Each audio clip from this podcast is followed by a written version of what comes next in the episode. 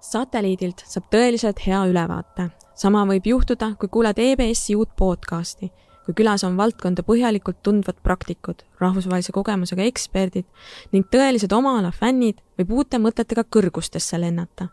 eneseareng ei ole vaid sprint ja koolis käimine, see on elukestev õpe. EBS-i podcast'e juhib majandusajakirjanik Siiri Liiva. saateid saab kuulata nii Apple podcastides, Spotify's kui ka Youtube'i kanalis mis roll on keskastme juhtidel innovatsiooniveduritena, mis tabab kindlasti uuendusmeelsuse ettevõttes ja kuidas kasutada coach ivat juhtimist innovatsiooni taganttõukajana. sellest räägime täna Mart Kikase ja Raul Järgiga. mina olen saatejuht Siiri Liiva Mart Kikas on diplomeeritud juhtimiscoach, kes on keskendunud ennekõike innovatsioonile. tal on üle kahekümne aastane juhtimiskogemus nii era- kui avalikus sektoris. ta on töötanud mitme riigiasutuse ja rahvusvahelise ettevõtte piirkondliku juhi või asejuhina, olnud Eesti Arengufondi juhatuse esimehe nõunik lisaks on tal kogemus turunduse ja elektroonilise panganduse vallast, ta on asutanud ja juhtinud mitmeid kirjastamise ning reklaamiettevõtteid.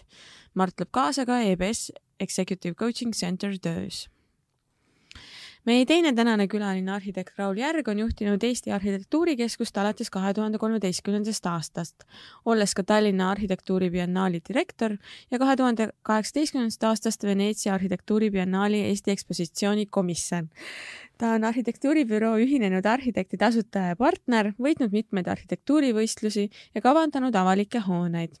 Raul on töötanud interne arhitektina Parkin Architects Toronto büroos, Rakveres linnapea arhitektina ja aidanud kaasa Rakvere targa maja kavandamisele. tere tulemast satelliidile! kuna me täna keskendume innovatsioonile äh, ettevõtetes, siis äh, alustan isiklikumat äh, laadi küsimusega ja küsimus on selline, et äh, mis oli teie endi kõige varasem äh, kogemus äh, mingi tõeliselt innovaatilise lahendusega ühes ettevõttes või mõnes uus orga-, muus organisatsioonis? Mart, alustame sinust. ma võib-olla isegi ütleks kaks asja, kuna nad on niivõrd erinevad mm. -hmm. et siis üheksakümnendate keskel oli meil selline ajakiri nagu Hulgiuudised hmm.. hulgikaubandus oli nii-öelda jalgu ja alga saamas ja, ja hoogu ka. ja siis noh, poodidel, mis Tallinnast väljas on ju noh, et kus, kus siis osta seda oma kaupa on ju, et, et poodi müüki saada. ja siis no üks võimalus oli üle helistada, noh, mis teil on täna ja mis hinnaga ja nii edasi kõik on ju, ja siis tuli meil idee, et teeme sellise ajakirja, kus ongi hulgikaup, kaupluste või noh, ladude siis tegelikult äh, nimekirjad koos hindadega, aga noh, üks pool on see, et nii-öelda hulgilao kaupa, tema sortiment, aga noh, teine on jälle see, et ega pood ju tegelikult ei taha mitte hulgikaupmeest, vaid tahab, ma ei tea, Fantat või, või, või kohvi, on ju. ehk siis te, teine pool oli siis selline, ütleme, andmebaasi laadne, kus oligi kohvi ja siis milliste hindadega millistes hulgiladudes mm. -hmm. ehk mhm. siis äh, selline väga, väga varajane ja see oli veel nii-öelda inte-, ennem interneti aega, on ju, et muidu mm -hmm. noh, oleks ju pidanud selle kiiresti ka internetti panema. et noh, selline lahendus on ju, mis lahendas ära selliste väikepoodide päris suure probleemi. aga teine on noh, jälle hoopis teistsugune, ehk siis teisest valdkonnast, siis üheksakümnendate lõpus ma olin Kodakondsus-Migratsiooniameti peadirektori asetäitja ja siis üks, noh, rahvastikuregister oli siis minu nii-öelda all, IT-asjad, üks nendest oli nii-öelda vast pildile ilmunud ID-kaart mm. -hmm. ja siis eredalt on meeles, kuidas me Kalev Pihliga siis diskuteerisime, mitu kilobaiti, mitte mega ega gigabaiti, mitu kilobaiti siis sellel džipil peaks olema, on ju, et ma ei mäleta, kas kuueteistkümnest aitab või peab olema kolmkümmend kaks või oli kaheksa, noh, need numbrid olid nii väiksed, et enam ei mäleta, on ju et noh, see oli ka tõsiselt innovaatiline. et kaks täitsa sellist eral-, erinevat ja noh, ja erinev mastaap ka muidugi, on ju, üks on lahendada ära väikekaupmeeste probleem, teine on lahendada ära võib-olla siis Eesti IT-riigi tulevik ja e-riigi tulevik mm. -hmm. kui kaua neid hulgiuudiseid äh, välja anti või kui pikalt? oh, see on hea küsimus. ma arvan, äkki mingi kas neli-viis-kuus aastat. aa, okei, no ikka nagu mitu aastat siis. ja, ja, ja mm, -hmm. jah. ta ei olnud ühekordne projekt. aga noh, see on juba nii palju kümneid aastaid tagasi, et, et asjad juba kipuvad niimoodi detailid meelest ära minema mm. -hmm. ei, väga huvitav, väga huvitav lahendus. nii, Raul mina olen, vist võiks nüüd öelda oma kogu teadliku professionaalse karjääri ju arhitektuuri valdkonnas äh, töötanud. alustasin seda juba üsna noorelt või, või kuni võiks öelda siis õpingute, õpingute kõrvalt. ja, ja selles mõttes arhitektuuri valdkond on ju selline, kus äh, iga uus objekt, mida sa teed või millega sa kokku puutud, on äh, nii-öelda uuendus mm. -hmm.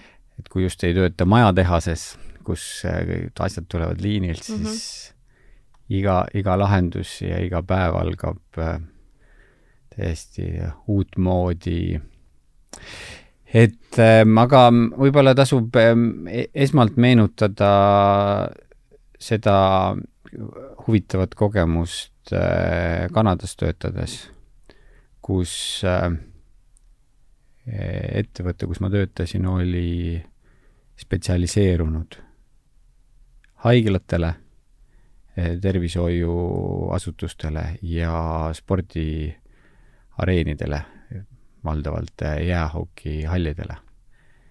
et meie Eesti turul seda ei koge, siin on, see turg on nii väike, et siin ei ole sisuliselt sellist spetsialiseerumist võimalik saavutada mm. -hmm. ja, ja tänu sellele spetsialiseerumisele oli minu jaoks äh, selline tõeliselt äh, valgustav või eriline kogemus siis arhitektide pädevus olla oma valdkonnas projekteerijana targem kui kirurg mm. -hmm. Kuidas operatsiooni läbi viia. loomulikult kirurg teadis, kuidas seda manuaalselt teha, aga see keskkond, kus äh, kirurg toimetas, seda, selles osas oli, oli arhitekt, kes, kellel oli võimalik spetsialiseeruda oli sedavõrd pädevam ja tema ülesanne ja, ja nagu paratamatult turukonkurentsist tulenevalt äh, pidevalt uut, uuendustega kaasas käia. et äh, Põhja-Ameerika turg on sisuliselt maailmas te tervishoiu osas äh, võiks öelda selles mõttes innovatsiooni vedaja mm, -hmm. kuna üheski teises riigis ei ole sellist, eriti just Ameerikas tegelikult, mahtu selles tervishoius raha ja kui see on raha, seal on ka siis äh, paratamatult seda innovatsiooni ja seda uuendust. ja, ja tulenevalt ka sellest, et äh, et äh, ka nii-öelda mahud pidevalt kasvavad, kuna tuleb uusi inimesi riiki peale, seda nii Kanadas ju kui ka Ameerikas, siis see sunnib olema nii-öelda uuenduslik, leidma uusi viisi, kuidas olla nii-öelda ohutu ja kuidas olla tõhus ja, ja kuidas olla nii-öelda tulemuslik. et äh, jah, tõesti, viisid näiteks, kuidas kavandada operatsioonisaali, kuidas seda teha niimoodi, et et äh, tõesti äh, sa suudad seda teha väga efektiivselt, kui sul on nagu väga suuri äh, äh, siis nii-öelda inimhulkasid vaja nii-öelda saalist läbi lasta. et teinekord võib äh, siinsete nii-öelda Eesti haiglate mahtudest tunduda see nagu lausa nagu selline nii-öelda tõeline tehas, et siin mm -hmm. on sellised kõik niisugused väiksed rätsepatöökad, isegi Butiik. meie butiigid ja isegi kõige, meie kõige sellised suuremad haiged nagu mm -hmm. Põhja-Eesti Regionaalhaigla või et äh, jah, et noh, selles mõttes see mastaabi küsimus äh, ja kuivõrd siis nagu tänu sellele äh, on ka siis see nii-öelda noh, doktorite nii-öelda pädevus äh, nii-öelda fokusseeritult ühele teemale mm -hmm. ja, ja, ja kuidas siis nii-öelda projekteerijana, arhitektina olla nii-öelda võrdväärne partner seda nii-öelda siis teenust suunata. Mm -hmm.. okei okay,, no väga põnev näide. Ehm, aga minnes nüüd edasi, et äh, noh, mulle tundub, et kui nagu rääkides sõnast innovatsioon või nagu innovatsioonist ettevõtetes, et et sellest on tegelikult noh, Eestis ka ikkagi äh, väga pikalt räägitud. ja aga mida ma küsida tahaks, on Mart, et kuna sina oled selle teemaga väga hästi kursis, et kui pikalt tegelikult Eesti ettevõtted selle valdkonnaga teadlikult on tegelenud ja kui palju üldse on selliseid ettevõtteid? no ütleme niimoodi, et äh, kursis kursis, aga äh, nüüd ütleme spetsiifiliselt, mis puutub Eesti turgu, siis noh, Eesti turgu mina ei ole uurinud, on ju, et siin mul mingit väga spetsiifilist teadmist ei ole, et noh, pigem minu uurimisteema on innovatsioon noh, laiemalt Euroopas. Ja siis, või noh, ütleme siis arenenud äh, maailmas, aga võib-olla siis Euroopas kitsamalt. et ja Eesti koha pealt ma jään natuke vastuse võlgu. Nüüd noh, mõeldes seda loogiliselt ilma uuringuandmetele tuginemata, noh, palju või kaua nad on sellega tegelenud, noh, ma arvan, aegade algusest, on ju.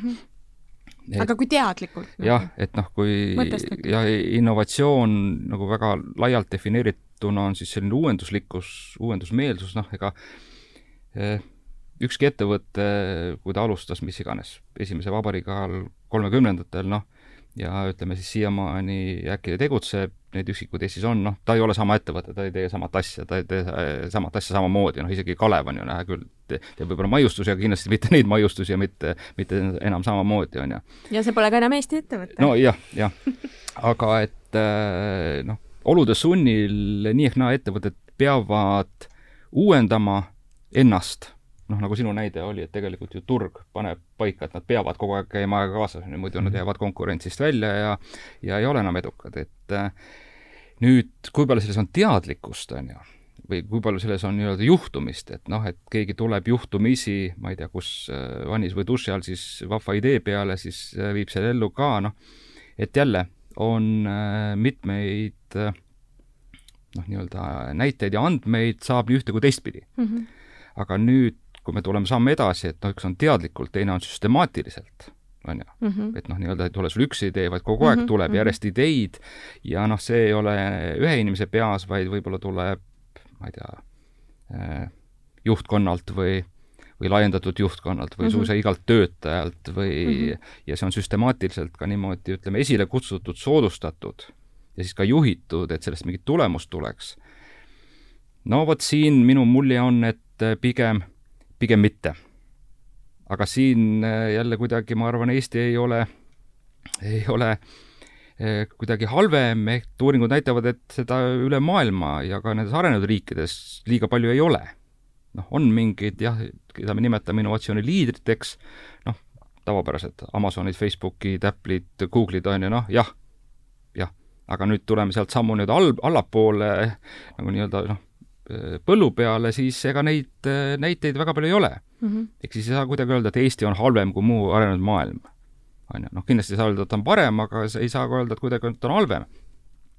see muidugi ei tähenda seda, et ei peaks tegelema süstemaatilisemalt ja ja, ja veel olema innovatiivsem, sest noh, paratamatult isegi väikestel turgudel ühel hetkel tuleb see, tuleb see turusurve ju sisse, noh eriti see, kui sa siis sellest väikselt turult tahad välja minna, on ju, mhm. nii-öelda konkureerima siis maailma, noh siis paraku sa ei saa olla võib-olla noh, väiksel turul sul on mingid oma eelised, on ju, ajaloolised või, või mis iganes, suurel turul sul need kaovad ära ja ja ma vist olen ka päris mitmes kohas öelnud, et äh, vanasti ettevõtted tegid innovatsioonistrateegiaid mm. -hmm noh, oli tootearendusstrateegia, investeerimisstrateegia, innovatsioonistrateegia, ma ei tea, personalistrateegia, mis iganes, muudkui oli palju strateegiad, siis noh, tänapäeval minu arust on see noh, kuidagi iseendale vasturääkimine sest innovatsioon, kui innovatsioon ise ei olegi strateegia ja tänapäeval ongi innovatsioon ongi strateegia, innovatsioon kui võimekus uuen, uueneda, uuendada, on ju. kui see ei ole, see on nagu ütleme, ta on strateegia, ta on strateegiline võimekus ettevõttel midagi ära teha. näiteks ellu viia tootearendusstrateegia mm, -hmm. on ju, aga see ongi, et eh, innovatsioon ei ole mitte strateegia või ta ei ole mingi eesmärk või mingi tulemus. innovatsioon on võimekus mm -hmm.. noh, nimetame seda kompetentsiks või oskuseks või, või kelleks iganes. et äh, siit jälle tuleb, et ma arvan, et äh, millele võiks, ütleme siis, tähelepanu pöörata, mis on ka tulemas just eriti noh, et Amazonidest ja sealtpoolt, on ju, et on tekkinud juba mingisugune arusaam, kuidas sellist organisatsiooni võimekust saab arendada mm -hmm. süstemaatiliselt. ja vot siin jah, nii Eestis kui ka siis mujal maailmas, kui need tipud välja arvata, veel ei ole ettevõtted liiga kaugel, ütleme nii. et siin on arenguruumi päris palju. mis komistuskiviks tavaliselt saab? noh, mis ta ikka saab, et ega nagu kala hakkab mädanema peast, ehk siis tegelikult ikkagi kõikides nendes asjades tuleb ju vaadata juhtkonna poole mm -hmm.. noh, kas need juhtkond on nüüd samad, mis omanikud või seal on erinevus, see on iseküsimus, aga ikkagi nende poole, kes asju otsustavad ja kellel on suutlikkus ka mingeid asju, noh näiteks protsesse juhtida, käima mhm. panna ja, ja midagi ära teha. ehk siis noh, komistuskivi või takistus, noh, nii-öelda see algab ja lõpeb juhtimisest ja juhtidest mm. -hmm okei okay,, no selle juhtimise ja juhtide tasandi juurde me tuleme pärast veel tagasi. ma küsin ka veel seda, et kas saab kuidagi äriinnovatsiooni üleüldisest innovatsioonist eristada, on tal mingid kindlad omadused?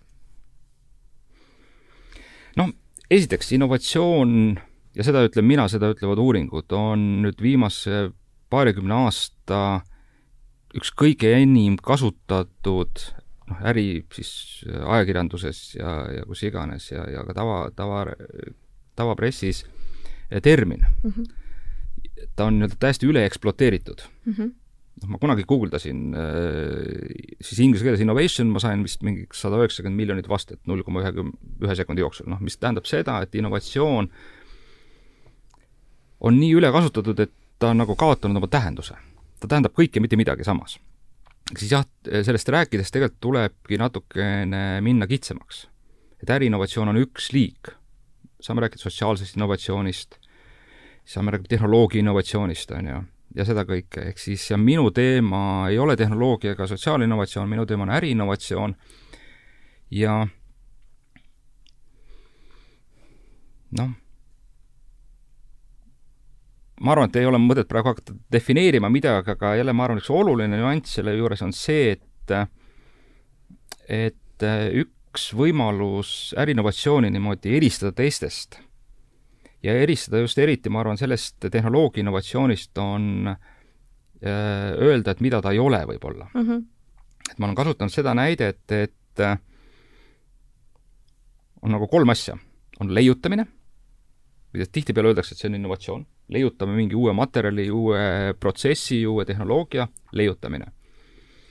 ja siis teisel pool noh, mitte et see on mingis nagu skaala nullist kümneni või mis iganes, aga nagu see on nagu leiutamine ühel pool, üks äärmus ja teine äärmus on võib-olla tootearendus. ma ei tea, ettevõte on toodud meil viitekümmet jogurtit ja nüüd siis, ma ei tea, keegi tootearendusjuht ütleb, et vot, nüüd teeme viiekümne esimese. et võtame maasika ära, paneme virsiku asemele ja võtame suhkrut vähemaks. ja siis launch itakse viiekümne esimene jogurt, ju. Mhm. noh, see ei, ka minu arust ei ole innovatsioon, see on pigem selline tootearendus mm. -hmm ja nüüd, kui me mõtleme, et miks seda tehakse, siis äh, leiutamist, noh, teadlased teevad sellisest tavaliselt uudishimust, on ju. Mhm. et midagi uut äh, teada saada, uut luua ja nüüd mitte tingimata, et sealt tuleb, tootub mingi kohe nagu raha või kasum või see kõik. ja nüüd see tootearendus, no seal ainuke motivatsioon teda teha ongi kasumit teenida rohkem, on ju. ja noh, seal selline uudsus või, või, või uudishimu, noh, pigem, pigem mitte ja nüüd äh, need kaks asja kokku tuues äh, mulle meeldib endale noh, ma olen ise läbi selle äriinnovatsiooni endale selleks mõelnud, ongi see, et äriinnovatsioon kombineerib nagu selle leiutamise ja ärilise poole mm. -hmm. ehk siis äh, noh, üks definitsioon, mida mina ei ole välja mõelnud, aga ameeriklased on see, et äriinnovatsioon on äh, kommertsialiseeritud või, või rahaks pööratud leiutus Aha. või leiutis, on ju äh,. siis äh, commercialized äh, äh, siis invention on ju, noh, et äh, siis ja äriinnovatsioonis minu arust on kaks poolt, on see uudsus ja on nii-öelda noh, soov saada kasumit või see rahaline uh -huh, pool, et mõlemad pooled on esindatud. ehk siis see nii-öelda tavaline tootearendus ei ole innovatsioon, mis väga tihti tuuakse näiteks, me tegime mhm. viiekümne esimese jogurti, see oli suur innovatsioon, minu arust see ei ole. või et nüüd kuskil äh, laboratooriumis tehti suur, ma ei tea, mis iganes, uus grafiidipõhine mm -hmm. materjal, et see on tohutu innovatsioon, minu arust ei ole. see on leiutamine, on ju. et vot see äriinnovatsioon on nende kahe asja kombinatsioon. mind on see selline nii-öelda mõtestatus aidanud. kui me mm -hmm. räägime innovatsioonist ja äriinnovatsioonist mm, -hmm. siis ütleme kitsamalt, aga jälle, kui me teeme, viime selle pildi laiaks mm, -hmm. sotsiaalne, see, see läheb läheb hägusemaks oluliselt no see on tõsi muidugi ja no selles mõttes, et see, see oli ka see, miks ma vestluse alguses ütlesin, et mulle tundub, et innovatsioonist räägitakse kogu aeg ja kõikjal ja nii edasi. aga Raul, ma küsin sinu käest, et äh, ma lugesin äh, Arhitektuurikeskuse kodulehelt, et teie eesmärgiks on äh, kaasaegse Eesti arhitektuuri ja linnaehituse edendamine ning arendamine äh,. millist rolli kannab innovatsioon teie igapäevatöös ja selle eesmärgi täitmisel?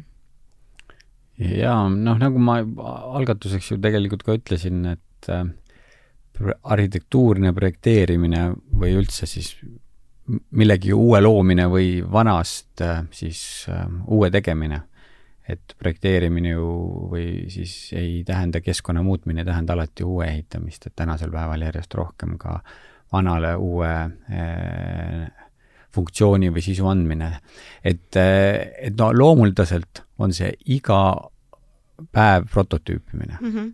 et see protsess ise on selles mõttes, sinna on sisse kirjutatud, arhitekte õpetatakse ja koolitatakse ikkagi viisil, et äh, hea keskkond on, mida luuakse, on selline, kus kus on see, see nii-öelda uuenduskomponent äh, olemas inimene, inimesele ja kui nüüd vaadata, kus inimene ennast hästi tunneb, et eh, mis on ju üks eh, eeldus või, või nagu soov selle keskkonna nii-öelda siis äh, muutmisel, siis seal on kaks, äh, kaks komponenti, mis on äh, teatud mõttes omavahel vastu, vastupidised.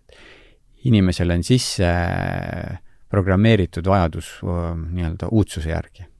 et see, see, sellise uudsuse otsimine on inimesele rahuldust tekitav või selle uudsuse leidmine, ütleme siis niimoodi ja teiselt poolt äh, turvalisus ehk siis selline ähm, tuttavlikkus on samamoodi talle sisse kirjutatud ja, ja, ja need on need kaks komponenti, mille, mille vahel siis tegelikult selle uue keskkonna või selle keskkonna uuendamisel ähm, arhitektid balansseerivad, et äh, kui kõik on totaalselt äh, võõras, siis inimene tunneb ennast seal, või nii-öelda uus, siis inimene tunneb ennast seal halvasti, see ei ole see koht, see keskkond, mida me tahame Eh, siis luua.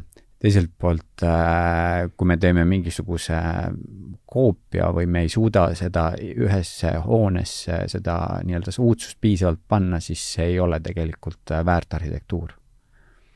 et väärtarhitektuuril on see komponent, et, et ta on oma ajas kinni, ehk siis see, mida me täna loome, ei ole see, mis, mida loodi sada aastat tagasi et noh, näiteks Põhja-Ameerika mandri puhul, kus väga palju siiski äh, kasutatakse seda, seda ajaloolise komponendi sissetoomist äh,, noh, nii-öelda siis igasuguseid kriksatrulle ja muid selliseid vormilisi liialdusi, tänasel päeval me ütleme seda vormilisele liialdusele sada aastat tagasi oli see täiesti loomuldane võib-olla, võib-olla noh, sada aastat tagasi mitte, aga aga sada viiskümmend aastat tagasi oli see osa nii-öelda sellisest äh, traditsioonilisest äh, keskkonna loomise viisist. et ähm,, et tänasel päeval ütleme, võiks sellise uudsuse komponent on järjest äh, suurenenud, et olla konkurentsis, et luua seda nii-öelda väärtarhitektuuri, siis äh, siis püütakse seda, seda uuenduslikkust äh, saavutada. noh, tõsi, põhjus, miks ju tehakse ka äh, selliste olulisemate, suuremate avalikele objektidele, näiteks ju arhitektuurikonkurss on üks viis, kuidas siis seda keskkonda tihtilugu nii-öelda siis luuakse, uuendatakse läbi konkursside, et saada see parim lahendus mm. -hmm. et kindlasti seal on nagu väga oluline ka funktsionaalsusel, aga noh, midagi ei ole teha, me selline Guggenheimi efekt, et kõik tahavad saada vau mm. -hmm. et, äh, et mis ei ole alati isegi põhjendatud, et, äh, et siin ma pigem isegi kohati, äh, kohati tunnen sellist rõõmu, kui nutikalt on midagi tehtud sellisel viisil, et seda ei ole kõik maailma nii-öelda tagurpidi pööratud, et mulle tundub, et kohati on innovatsioon isegi juba see, et äh, soola on pandud juurde mitte kakssada protsenti, vaid ainult nagu viiskümmend üks protsenti, et natukene, et seda on nagu doseeritud äh, sellises õiges äh, noh, nii-öelda tundlikus mahus, et ei ole nii-öelda üle, üle võlli keeratud. Kas sellisesse kategooriasse liigituks ka näiteks äh, Helsingi kesklinna raamatukogu või seal on asjad üle võlli keeratud? ei, see alatehtud äh, raamatukogu on äh, selles mõttes suurepärane näide, kus kus selline nii-öelda see uuenduslikkus, noh, selles mõttes see kontseptsioon ja viis, kuidas see maja tehtud on, juba alates kandekonstruktsioonist, kuidas ta nagu üles ehitatud, kuidas see kandekonstruktsioon või kuidas see maja on pandud tööle selle funktsiooni eh, toimimise nimel, selles mõttes on seal arhitektid teinud suurest, suurepärast tööd, et nad on võtnud selle, selle nii-öelda, selle idee, mida soovitakse saada, vot see on see see, selles mõttes see viis, kuidas, kuidas lähened, et kas hakata maja ehitama või seda keskkonda muutma niimoodi, lihtsalt panna nii-öelda legod kokku või nii-öelda klotsid kokku, ehitada nii-öelda kuubikud üksteise, üksteise kõrvale, et noh, tellija ju nii tahtis, et tellija ei oska siin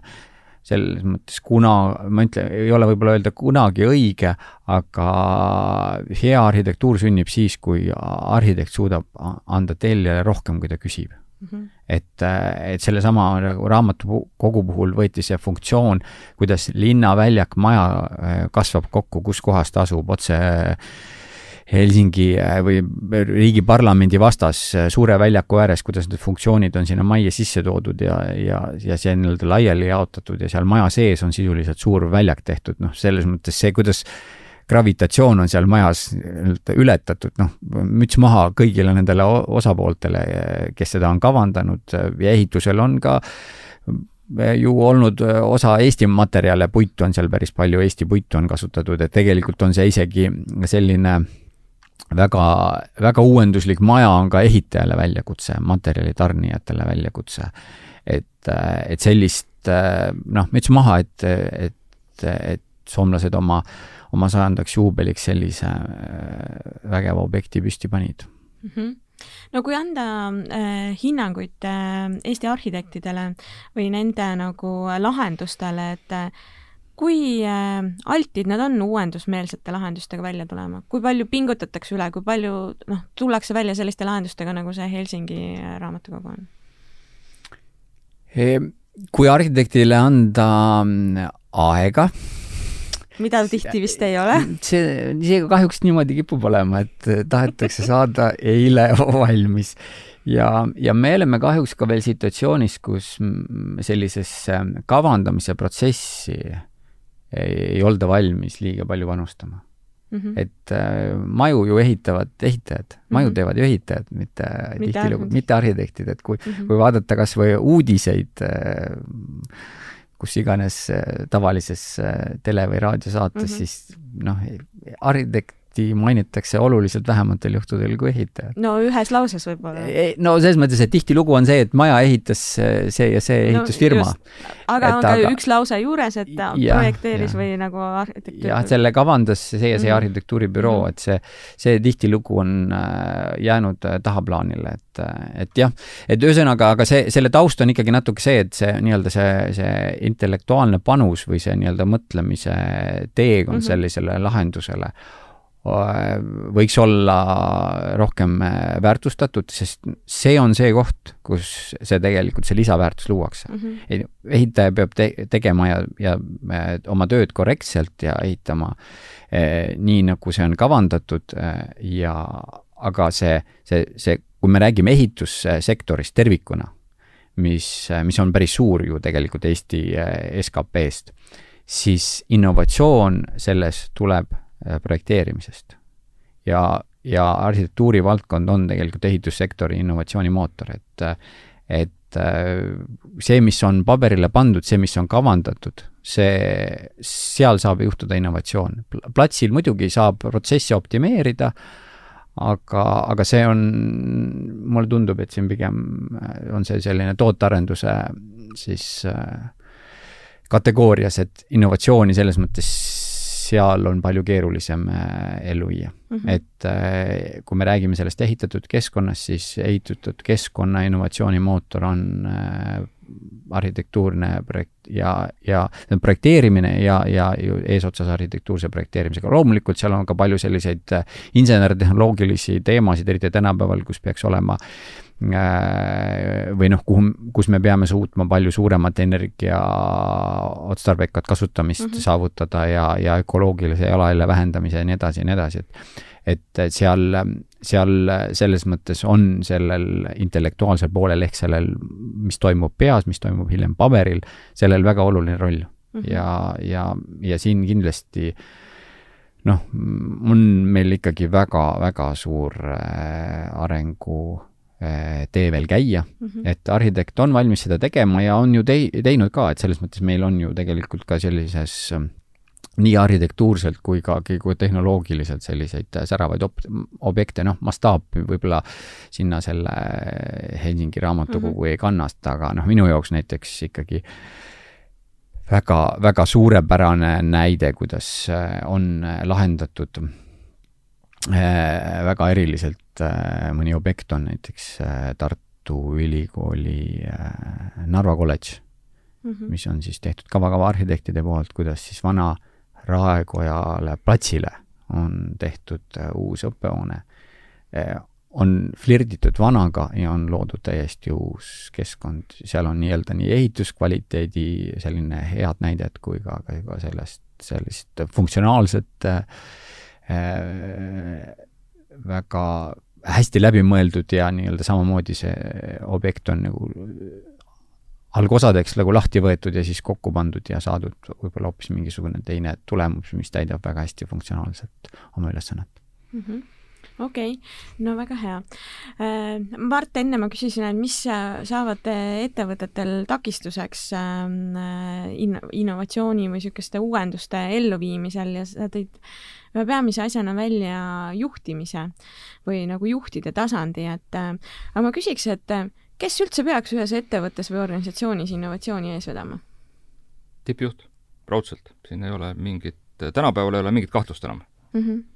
et ikkagi tippjuht, noh loomulikult tippjuht, äh, mida suurem on ettevõte, seda vähem ta ju tegelikult nii-öelda käed mullas teeb, on ju, et võib-olla väikses äh, Äh, Siim, susi ja koer on ju, noh, seal ta teeb kõike, aga siis äh, natukenegi ettevõtte kasvades äh, ta ju tegelikult nii-öelda ise enam asju ei tee.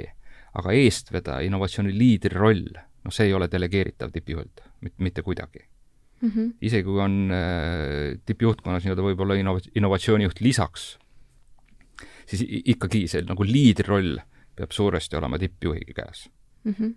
aga mis roll on näiteks töötajatel? Kui suur või kui suur nende roll on või ka ütleme, ettevõtte klientidel?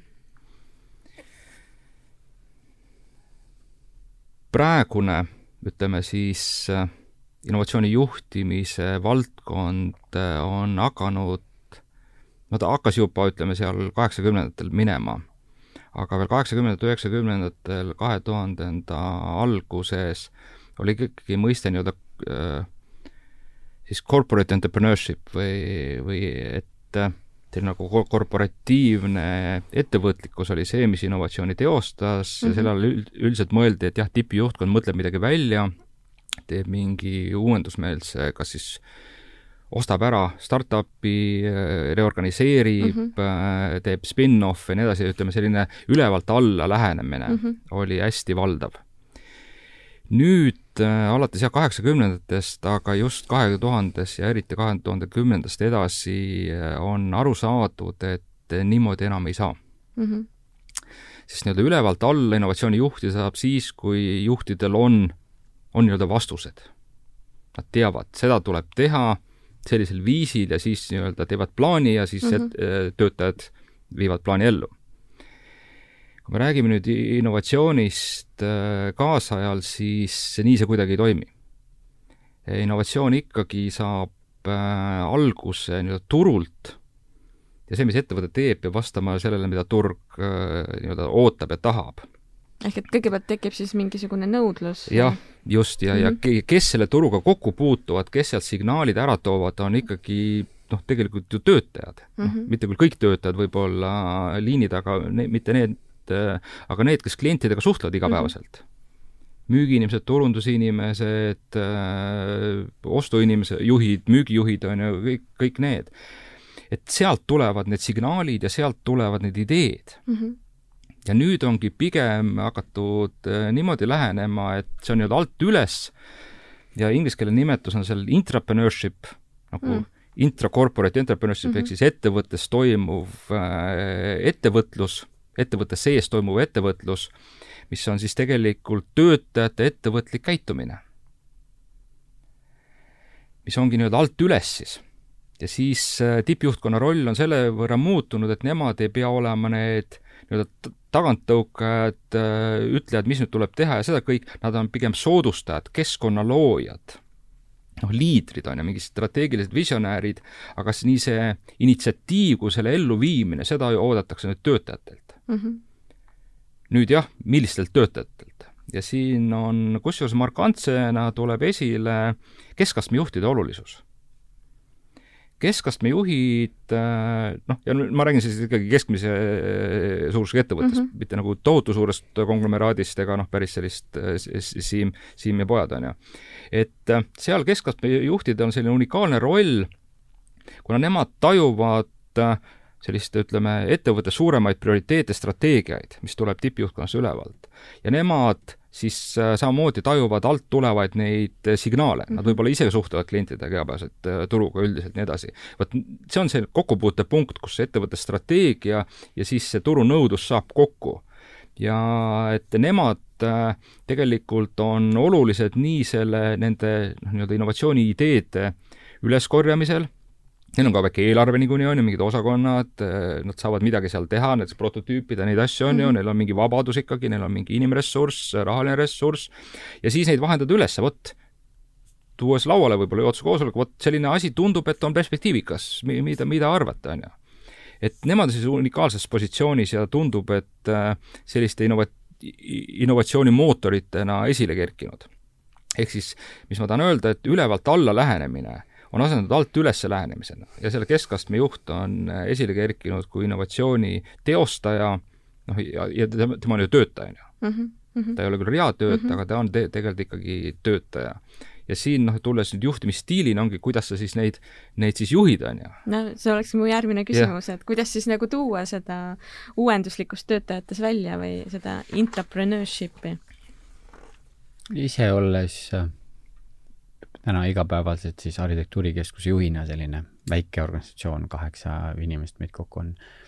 et, äh, et noh, see on samamoodi ju oluline mitte ainult suures ettevõttes ja väikses ettevõttes ikkagi või organisatsioonis on samamoodi see otseselt ikkagi seotud äh, äh selle õhkkonnaga, mida siis äh, organisatsiooni juht loob mm, -hmm. et kas äh, et seda võiks nagu äh, läheneda niimoodi, et kas, kas ollakse nii-öelda mugavustsoonis ja tehakse asju nagu pidevalt nii, nagu on äh, tehtud, et äh, ja, ja kui nad hästi äh, toimivad ja need asjad, mis hästi toimuvad, on ju hea, kui need niimoodi ju edasi tehakse, et, et hullem versioon sellest innovatsioonist on ju see, kus tehakse innovat-, innoveeritakse nii-öelda asju, asju halvemaks, ütleme niimoodi.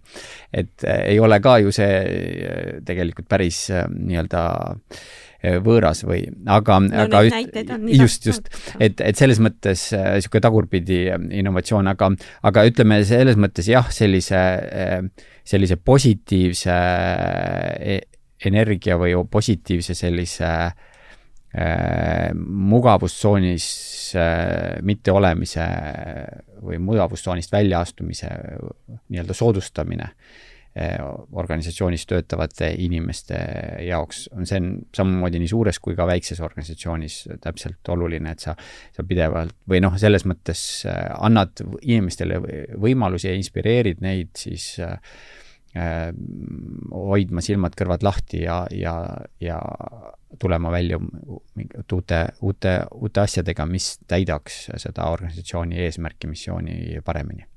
aga kuidas sina siis äh, oma kolleege sellest mugavustsoonist välja tood või, või tõukad või lükkad? jaa, ma hiljuti avastasin, et meie sellised, ähm, äh, sellised suuremad innovatsioonid on juhtunud äh, või kus noh, need on natuke, see on nagu selline ikkagi veini tegemine, et see natuke vajab küpsemist. no aga, ma mõtlesin, et sa ütled, et kogemata, et niisugune trial and error. ja, ja ei, ütleme, et kõigepealt on see, ma ütleks, kõigepealt komponent on see, et on vaja natuke aega Mm -hmm. aga teine on muidugi ja, ja selles mõttes, et töötajad ei saa olla ka nii-öelda ära eh, nagu Hirmutatud. hirmutatud Mhm. või nii-öelda töökoormused a- nii-öelda ära tapetud selle Mhm. all, et neil, neil peab jääma sellist nagu hingamise hetke, et kui on nagu selline mingisugune väga intensiivne periood, siis, siis ei, siis ei saa noh, siis ei juhtu nagu, siis on vaja nagu tegeleda nagu mingi action'iga. aga, aga sellele action'ile on vaja nagu, või noh, ma olen nagu täheldanud või noh, nii-öelda on sellist nagu hingamisaega ja me oleme teinud äh, selliseid äh, meeskonnaga äh, selliseid väljasõite, selliseid mm -hmm. kusjuures ma olen isegi täheldanud, et ähm, me oleme teinud viisil, kus me ei ole nii-öelda kaks päeva, nüüd kui me oleme kaheks päevaks välja sõitnud mm. -hmm. me ei ole kaks päeva nagu intensiivselt istunud ja arutanud pingeliselt nagu mingisugust niisugust äh, mingit ühte teemat, et sa, me ei saa, et mida me siis välja mõtleme mm. -hmm. vaid ma pigem, me olemegi andnud nagu sellist äh, noh, kuidas öelda, sellist mõtete laagerdamise aega ja, ja, ja, ja siis äh, selles mõttes need mõtted ju inimeste peas on olemas. Ja, ja siis, ja siis need tegelikult, need sähvakad tulevad ja nagu mida, mida siis nagu nii-öelda ette võtta või mis on need siis nagu nii-öelda uue, uued sammud, et me sisuliselt jah, viimased, viimased uued sammud, mida me oleme teinud või mida võiks siis siiski nagu nimetada meie jaoks selles mõttes innovatsiooniks, et me oleme mm -hmm. mingisuguse uue tegevusega, teenusega välja tulnud et need on sündinud sellise, sellise väikse laagerdumisega, väikse sellise nii-öelda igapäevasest elust äh, kõrvale tõmbamisega ja mitte nii-öelda surumisega, vaid anda inimestele võimaluse see, see, see nagu ahaa-efekt, ise ka ju mõtled ju mingisuguse asja üle pingsalt ja siis tegelikult tihtilugu see, see lahendus või see asi tuleb hoopis mingisugusel hetkel, kui sa oled selle tähelepanu hoopis äh, kuskile mujale viinud ja et selline teatud niisugune tähelepanu hajumine on isegi mõneti nagu nii-öelda kasulik, sealt võib-olla tulevad sellised ootamatud uued huvitavad mõtted mm. -hmm. ma olen vä väga nõus, noh, mis tuleb välja, uuringud näitavad, et äh, efektiivsus tapab innovatsiooni. see on nagu päevaselge. et üliefektiivselt tegutsev organisatsioon ei innoveeri. noh, siin võib vastu öelda, et ega Amazon ei ole ju ebaefektiivselt tegutsev organisatsioon. ei ole muidugi, aga lihtsalt osad temast tegutsevad üliefektiivselt, osad jälle vastupidi, selles mõttes väga ebaefektiivselt Nad äh, testivad päevas kümneid prototüüpe, nendest mõni päev kümnest kümme ei, ei õnnestu, on ju, siis teevad järgmine päev uuesti, on ju, et nagu tohutu, tohutu raiskamine toimub, on ju. ehk siis äh, jah, efektiivsus tapab innovatsiooni ja ma olen ka väga nõus, et äh, tuleb anda aega sellist nii-öelda mõtteruumi, mõtteavarust, noh, ma olen ise ka innovatsiooni coach'ina nii-öelda kaasas olnud nüüd äh, noh, nimetame seda moderaatoriks või, või coach'iks siis sellistel nii-öelda väljasõitudel ja, ja, ja muud, muud laadi on need ajurünnakud, seminarid, töötoad, mis iganes vormis ettevõtted need siis teevad, aga just väljasõit on selles mõttes õige, et vot seal see nii-öelda surve, igapäevane surve, seda on võimalik nii-öelda allapoole tõmmata mm, -hmm. et kui see on võib-olla ettevõtte tavapärases konverentsisaalis on ju, või, või koosolekuruumis, noh, teeme, teeme kella kahest neljani, teeme siis innovatsiooni, no ei, ei ole päris see, on ju. ja siis noh, et jälle, et kuidas juht, juhtida seda, siis äh, noh, samamoodi äh, on innovatsiooni juhtimine seotud, äh, kuidas siis need juhid peavad seda juhtima, on ju. selles mõttes, et noh, traditsiooniline juhtimine, nimetame seda traditsiooniliseks, on hierarhiline, juhid annavad käsud kätte, ütlevad, nii tuleb teha, no ja siis mees või, või, või siis naine noh, kaevabki seda kraavi järgmised kakskümmend meetrit, on ju, täpselt poolemeetrise sügavusega ja meetrise laiusega ja nii ongi, on ju kõik. ja seda saab teha, kui juhil on vastused olemas, juht teab, kuidas seda teha. nüüd innovatsioonis ju vastuseid ei ole ja veel kõige vähem juhi, on juhil neid, on ju, sest tema puutub turuga kõige vähem kokku, on ju, et noh, kuidas siis juhtida. Neid inimesi, kellel siis võib-olla vastused on, on ju, et siis ongi, et juhtimine läbi mitte vastuste, vaid läbi küsimuste et juht tegelikult, juhtis innovatsiooni peab muutuma selles mõttes innovatsiooni coach'iks või üldse noh, ütleme, rakendama seda coach ivat juhtimisstiili, et ta juhib läbi küsimuste. inimene tuleb tema juurde ideega, noh, tema küsimus ei ole, ei ole mitte see, et see on hea, halb, hea idee või halb idee. tal ju puudub tegelikult tavaliselt informatsioon, mille alusel isegi head või halba sinna mm -hmm. märki külge panna, on ju. ta küsib, et jah, kust see idee tuli? kuidas sa selle peale tuled? Kui ta siis veendub, et see võib olla tõesti nii-öelda make sense, on ju mm -hmm., kuidas sellega edasi minna? noh, sisuliselt mitte va-, ta ei anna vastuseid, ta küsib küsimusi, on ju. ja nüüd inimeste jah, nagu ma rääkisin, keskastme juhtide tihtipeale, aga ka teiste töötajate ülesanne tegelikult siis nendele küsimustele vastused nii-öelda majja tuua, on ju. ehk siis innovatsiooni juhtimine toimubki läbi coach iva juhtimisstiili, noh, mis siis väga laias laastus tähendab läbi küsimuste küsimise mm, -hmm. mitte vastuste andmise mm. -hmm. ja siis töötajad, need, keda juhitakse, need peavad siis need vastused koju tooma mm. -hmm.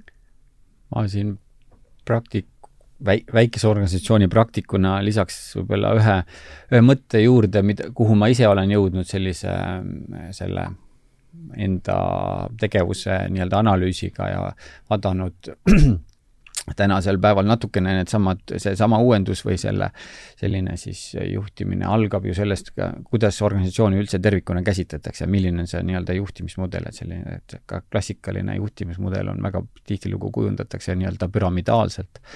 et äh, kuskil tipus on juhtkond äh, noh, kes justkui peaks teadma vastuseid, tänasel päeval tegelikult ju ei tea ja, ja siis on all, on see nii-öelda töötajaskond, et ähm, kuidagi juhuslikult või, või teadliku tegevuse tagajärg. Ma iseenda jaoks olen kujundanud sellise vastupidise mudeli, kes, et tegelikult ei ole püramiid mitte, et kui püramiidist rääkida, siis mitte püramiid all, vaid äh, nii-öelda siis, siis koonuseliselt kokku siis tulev püramiid, vaid pigem võiks sellele läheneda juhtimisele kui sellise õunapuumudelile, kus, äh, kus organisatsioon, esiteks organisatsioon ei ole selline, või organisatsioon on elav mhm. objekt mm, -hmm. et selles mõttes äh, selline õunapuu mudel sobib seda paremini kirjeldama. organisatsiooni tänasel päeval mulle tundub, et organisatsioonide kõige noh, muidugi sõltub organisatsioonist, Coca-Colal ilmselt erinev, aga, aga kõige või väga, väga oluline komponent äh, on inimesed, kes organisatsioonis töötab, ehk siis tegelikult kõige suurem väärtus on nagu inimesed, need viljad tegelikult õuna puhul, nagu need tegelikult, mis suuda, mis annavad sellele, selle organisatsioonile väärtuse eh, kliendi jaoks. Ja, ja juht ei ole selles mõttes midagi üleval, vaid vastupidi, juht on nagu nii-öelda tüvi, mis hoiab seda, neid hoksi ja harusid äh, püsti et, äh, et selles mõttes äh, ja võimaldab tegelikult äh, siis maapinnast tuleval siis, siis, siis toitainetel ja hoi-, siis jõuda sinna nii-öelda tippu, et et kui seda nagu niimoodi läheneda, et, et see inimene, kes organisatsioonis töötab, on tegelikult selle organisatsiooni üks kõige suuremaid väärtusi, et siis võib-olla annab ka sellist nagu loomuldast äh, sellist äh, ruumi sellele, sellele mõttele ja, ja sellise uuenduslikkusele, loomuldasele uuenduslikkusele, mis, mis võiks olla selles mõttes ju or organisatsiooni noh, loomulik nagu, nagu hapnik inimesele mm, -hmm. nagu ikka igapäevane viis, kuidas nagu toimetada, et see ei ole midagi selles mõttes eh, erilist okei okay,, aga Raul, ma küsin seda, et äh, kui palju sina, kas siis teadlikult või mitte niivõrd teadlikult, niisugust nagu coach ivat äh, juhtimisstiili just nagu läbi küsimuste äh, juhtimist rakendad? jah, enda kirjeldamiseks äh, ma ei, jah, ma jään vastuse võlgu, ma ennast selles ühesõnaga, mõttes pole teadvustanud seda? jah, ma pean tunnistama, et ma olen selles mõttes ise hakanud juhtuma et äh, arhitektuuri valdkonnas on üsna, üsna palju tegelikult meiesuguseid organisatsioonid on väiksed mm. ja mhm. sellist äh, väga teadlikku äh, juhtimisoskust äh, seda omandada, noh, pigem ongi seda elu ise õpetanud, see muide üks ka põhjus, miks me tegelikult ju siin koos EBS-iga äh, seda juhtimisprogrammi oleme nii-öelda alustanud ja inspireerinud, et tuua seda sellist teadlikku tegevust äh, rohkem siia juurde. aga jah, ma, ma arvan, et äh, jah, pigem sellist äh, pigem ma jah, harrastan sellist läbi sellist coach iva või läbi küsimuste või läbi suunamise sellist pehme suunamise niisugust coach ivat stiili, ma, ja ma pigem arvan, et see on äh, arhitektuuri valdkonnas ikkagi pigem ongi tavaline, et mm, -hmm. et äh, arhitektid büroos, noh, Eesti bürood on tegelikult väiksed, statistika järgi keskmine büroo suurus on paar inimest, noh, tegelikkuses on, on nagu sellised suured bürood on juba selline viisteist, kakskümmend, mhm. nagu megabüroo on ju veel nagu sealt edasi nagu kolmkümmend, nelikümmend inimest. Aga äh, valdavalt äh, arhitektid on ju ikkagi kõik väga loomingulised inimesed ja neid neid ei saa kogu seda protsessi, ja see protsess ise on ka, nagu ma ütlesin, iga kord on prototüübimine, et et seda ei saagi väga noh, selliselt see ei ole selles mõttes võrreldav kraavi kaevamisega, et me ei saa seda oma valdkonda üldse niimoodi teha, et mm, -hmm. et mhm. see on meie valdkonnast tulenevalt juba sisse ehitatud, et, et me peame andma hingamisruumi ja peame väga palju usaldama neid inimesi ja, ja lubama neil seda, näidata innovatsi-, inno-, initsiatiivi ja, ja, ja pigem nagu soodustama just, mis on selle ju osa sellest coach ivast juhtimisest, nendel uuendustel juhtuma mm. -hmm. okei. Tahad sa midagi lisada? no mul on ka ju viimased kümme aastat ma olen, ütleme, õppejõuna siis ja, ja coach'ina tegutsenud, aga ennem seda kakskümmend aastat juhtisin. ja siis eh, noh, viimased kümme aastat ma olin ühes rahvusvahelises korporatsioonis, kus eh, peakorter oli Oslos, aga mul, minu alla kuulusid siis Soome, Eesti, Läti, Leedu ettevõtted. no siis äriarendus siis eh, Kesk- ja Ida-Euroopas ka, aga ja noh, ennem kui ma siis coach'iks õppisin, ega ma sellist coaching ut või coach ivat juhtimisstiili ju terminina ei teadnud üldse, aga siis, kui siin pea kümme aastat tagasi selle teemaga hakkasin tegelema, siis sain aru, et oi-oi, tegelikult ma olen nii-öelda kümme aastat ennem rakendanud coach ivat juhtimisstiili, aga mitte mm -hmm. sellepärast, et ma teadsin või arvasin, et see on kuidagi hea, ma lihtsalt ei saanud teistmoodi tegutseda mm. -hmm. sest kui ma nagu Eesti turul veel noh, istudes äh, üks korrus ülevalpool või tegelikult tihtipeale üks korrus allpool oma Eesti tiimi, on ju sain miskit moodi aru, millega nad tegelesid, noh, vähemalt mul oli see võimalus, on ju, mhm. minna ja, ja küsida ja igapäevaselt võib-olla saada, noh siis Vilniuse, Riia ja Helsingi kontoritega no absoluutselt mitte. seal ma käisin igas riigis kord kuus, noh, mõnikord kaks korda kuus, aga mitte rohkem mm. -hmm. ehk siis sellist nagu igapäevast, mul ei olnud kuidagi võimalik öelda, et nüüd tee homme seda, on ju.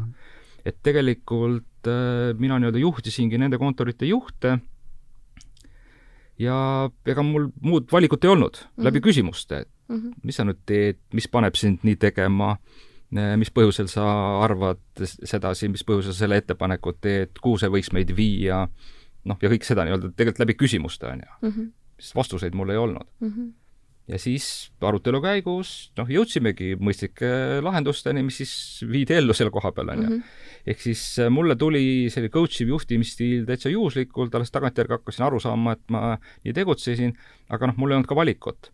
aga noh, jälle Raul, ega sul ka valikut ei ole, just tegelikult sellises nagu loome- või teadmuspõhistes organisatsioonides valikut ei olegi mm. -hmm. Neid ei saagi juhtida, need püramiidid, ongi võimatu mm. -hmm ja seal jah, ega juhid ei teadvusta seda, aga lihtsalt nad on sunnitud seda tegema mm. -hmm. ja mõni teeb seda siis paremini, mõni teeb halvemini. noh, muidugi on jälle seal ka vist see, et kui juht on ka väga hea spetsialist omal alal, on ju, siis tekib väike selline eh, konflikt, et ta võib-olla teab paremini vastuseid kui, kui töötajad, on ju, ja siis hakkab mis, õpetama. jah, et mis hetkel ta siis õpetab, mis hetkel ta tõmbub tagasi ja annab siis võib-olla noorematele üle, aga noh, see on juba selline taktika küsimus, on ju mhm mm -hmm.. okei okay., no Raul, aga ma küsiks äh, seda küll, et äh, kui palju Arhitektuurikeskus äh, tegeleb äh, Eesti arhitektuuribüroode juhtimispädevuste arendamisega? jah, me oleme arhitektuuribüroode ärivõimekust ju vist aastast kaks tuhat kümme ju tegelikult teadlikult aidanud siis tõsta mm, -hmm. et et äh, esialgu ise aru saada ja teadvustada seda, et kuidas, äh, kuidas siis lood on, et niisugune võib-olla markantsem näide selle, sellest on see, et äh, noh, praktika on ikkagi nagu ka hetkel ikkagi selline ju, et, et statistika järgi, nagu ma ütlesin, kaks on keskmine arhitektuuribüroo suurus, seal on palju ka selliseid nii-öelda sisuliselt ühe mehe ettevõtteid, mis, mis löövad selle suure numbri alla aga selle tule-, noh, ikkagi sisu ja taust on sellel see, et väga paljud äh, teevad seda tööd äh, elustiilina, et see mm -hmm. ei ole äri mm. -hmm. ja, ja, ja me tegime aastaid tagasi esimese sellise, sellise suurema teadliku kokku pandud äh, koolitusprogrammi, arhitektuuri trampliin ja ja ma läbisin ise ka selle, kuigi olin siis juba arhitektuurikeskuse juht, aga võtsin ka ise siis nii-öelda koolitatavana osa mm -hmm. sellest, et saada siis äh, teadlikumaks rohkem äh, juhtimisest ja ja see oli mõeldud büroodele, nii-öelda kogu tiimile või omanikele, kes tihtilugu ongi juht ja omanik äh, arhitektuuribüroodel ikkagi väga paljudel juhtudel kattuvad. et äh, juhtus nii, et ma jäin oma ettevõtte partnerist ilma, kes läbis arhitektuuri ärivõimekuse koolituse ja sai aru, et, et see ei ole väga perspektiivikas ärivaldkond ja otsustas hakata tegema mööblit. et väga head mööblit teeb, aga ma jäin büroosse partnerina üksinda, nii et, et, et jaa, et selles mõttes ähm, see aga see on ka oluline, tema enda isiku ja, ja ei, selles mõttes väga okei okay valik ja selles mõttes ongi väga nagu selge valik ja see lihtsalt nagu iseloomustabki tegelikult selle valdkonna nagu keerukust mm. -hmm et teha valikuid nii-öelda selle elustiili ja ettevõtluse vahel ja tihtilugu on ka eriti selle ettevõtlusega seotud see, et, et kui sa tahad olla efektiivne majanduslikult ja, ja tulemuslik, siis tihtilugu on see vastuolus sellise hea, hea arhitektuuri ja hea, hea keskkonna loomisega, sellepärast et selleks, et teha head keskkonda, head arhitektuuri, sul on vaja ühest objektist teha kümme prototüüpi mm. -hmm. et kümme maketti võib-olla kümme korda peas läbi mõelda, võib-olla, või isegi veel rohkem, et äh, tellijale võib ju ka teise variandi pakkuda. et see on natuke selles mõttes, ütleme ausalt, ikkagi südametunnistuse küsimus, et mitu varianti sa läbi töötad, enne kui sa selle selle, ega need head keskkonnad ja objektid, andekaararhitektid äh, või need nii-öelda suured äh, bürood, mis teevad niisugusi Berke Engels või, või mida me iganes siin nagu väga nagu laiemalt tuntud nimed, kes teevad äh, selliseid nii-öelda staararhitektidega, nende taga on ju suur, ikkagi väga suur higi ja vaev nagu et see, see võib tunduda, et see on mängleva kerglusega, nii et, et siin on natuke, meie valdkonnas on selline, selline see tasakaal selle, selle, sellise loome, selle innovatsioonile või uuendusele siis pühendumisele iga kord see seda prototüüpimist hingega võtta ja teha parim lahendus ja, ja siis lõpetada see õigel hetkel ära, kus on siis see optimaalne tulemus saavutatud ja ja, ja noh, et seal on selles mõttes see, see valdkond on äh, keeruline.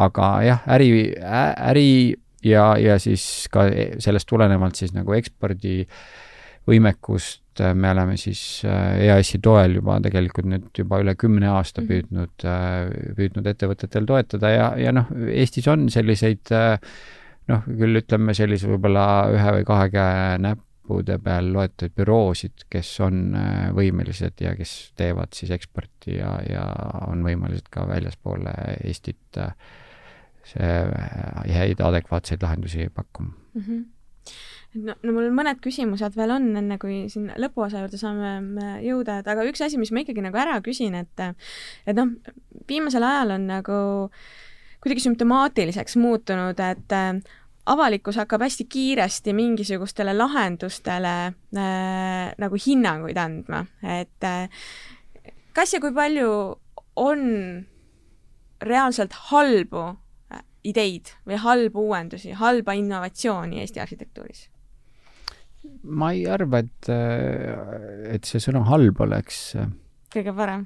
jaa, et või et ma, et halb oleks korrektne kasutada et, ähm, et pigem äh, ma arvan, et on küsimus toorus, et kas asjad on toored või mitte mm. -hmm et ja innovatsiooniga on ka tegelikult ju, või sellise uuendusega on ju oluline äh, Äh, mitte karta läbi kukkuda mm. -hmm. ja pigem on nagu probleem selles, et äh, meil on see, seda ühiskonnas seda hirmu ja, ja läbikukkumise stigmatiseerimist. me võrreldes sellega, noh, mis, mis oli siis nii-öelda noore vabariigi ajal, kus noh, igasugust jama tehti, aga sellest ei, ei juhtunud nii suurt jama et, ähm, et selles mõttes äh, jah, on, pigem ma ütleks seda, et sellist äh, ja sellist ähm, aktsepteerimist, et asjad mõnikord lähevadki pahasti, et ei lähe nii, nagu planeeritud, see on osa tegelikult uuenduslikkuse paratamatult, et mitte karta eksida. et äh, ja, ja seda äh, noh, lihtsalt küsimus on, kus sa seda teed, et noh, kui sa arhitektuuri ja maja ja keskkonda siis uuendad, et noh, selles mõttes sa ei saa seda teha pea, pealinna keskväljakul või, või mm, -hmm. või väga olulistes objektkohtades, et sellepärast ka tehakse arhitektuurikonkursse, et seal on nagu mängi-, mängitakse need stsenaariumid läbi erinevate lahendustega aga, aga kuskil, kuskil on kindlasti see eksimisruum palju suurem ja, ja paber ja eriti paber, no keskkonna projekteerimises paber või selle uue keskkonna loomisel jälle esialgu tehakse ju kõik paberil läbi. tänasel on, päeval on olemas ka virtuaalsed kujutlusvõimalused, et ei pea kohe betooni valama, et, et selles mõttes paberil läbi mängime, panustamine sellesse Ehm, siis nii-öelda intellektuaalsesse protsessi ja, ja seal vigade tegemine, et äh, läbimängimine, ma arvan, see on täiesti okei okay., et äh, et noh, füüsilises keskkonnas jah, muidugi objekt on ehitatud ja seda enam ei, nagu ei lammuta, et äh, et see, või noh, see on väga, väga valuline, et selles mõttes on see ehitamine jah, selline väga tugeva nii-öelda jala, jalajäljega, et äh, mõneti noh, ilmselt ma teenin äh, võib-olla võrreld-, pole isegi võimalik võrrelda, et näiteks äh, kas äh, teinekord maja nii-öelda ehitamist äh, maja ehitamine on ja, ja püstitamine on palju pikaealisem kui äh, ühe puu kasvamine, et selles mõttes, et kui me kaitseme sellist ähm, äh, keskkonda, nii-öelda looduskeskkonda, siis äh, jah, me kaitseme ka muinsus äh,, läbi muinsuskaitsele nii-öelda seda ehitatud keskkonda.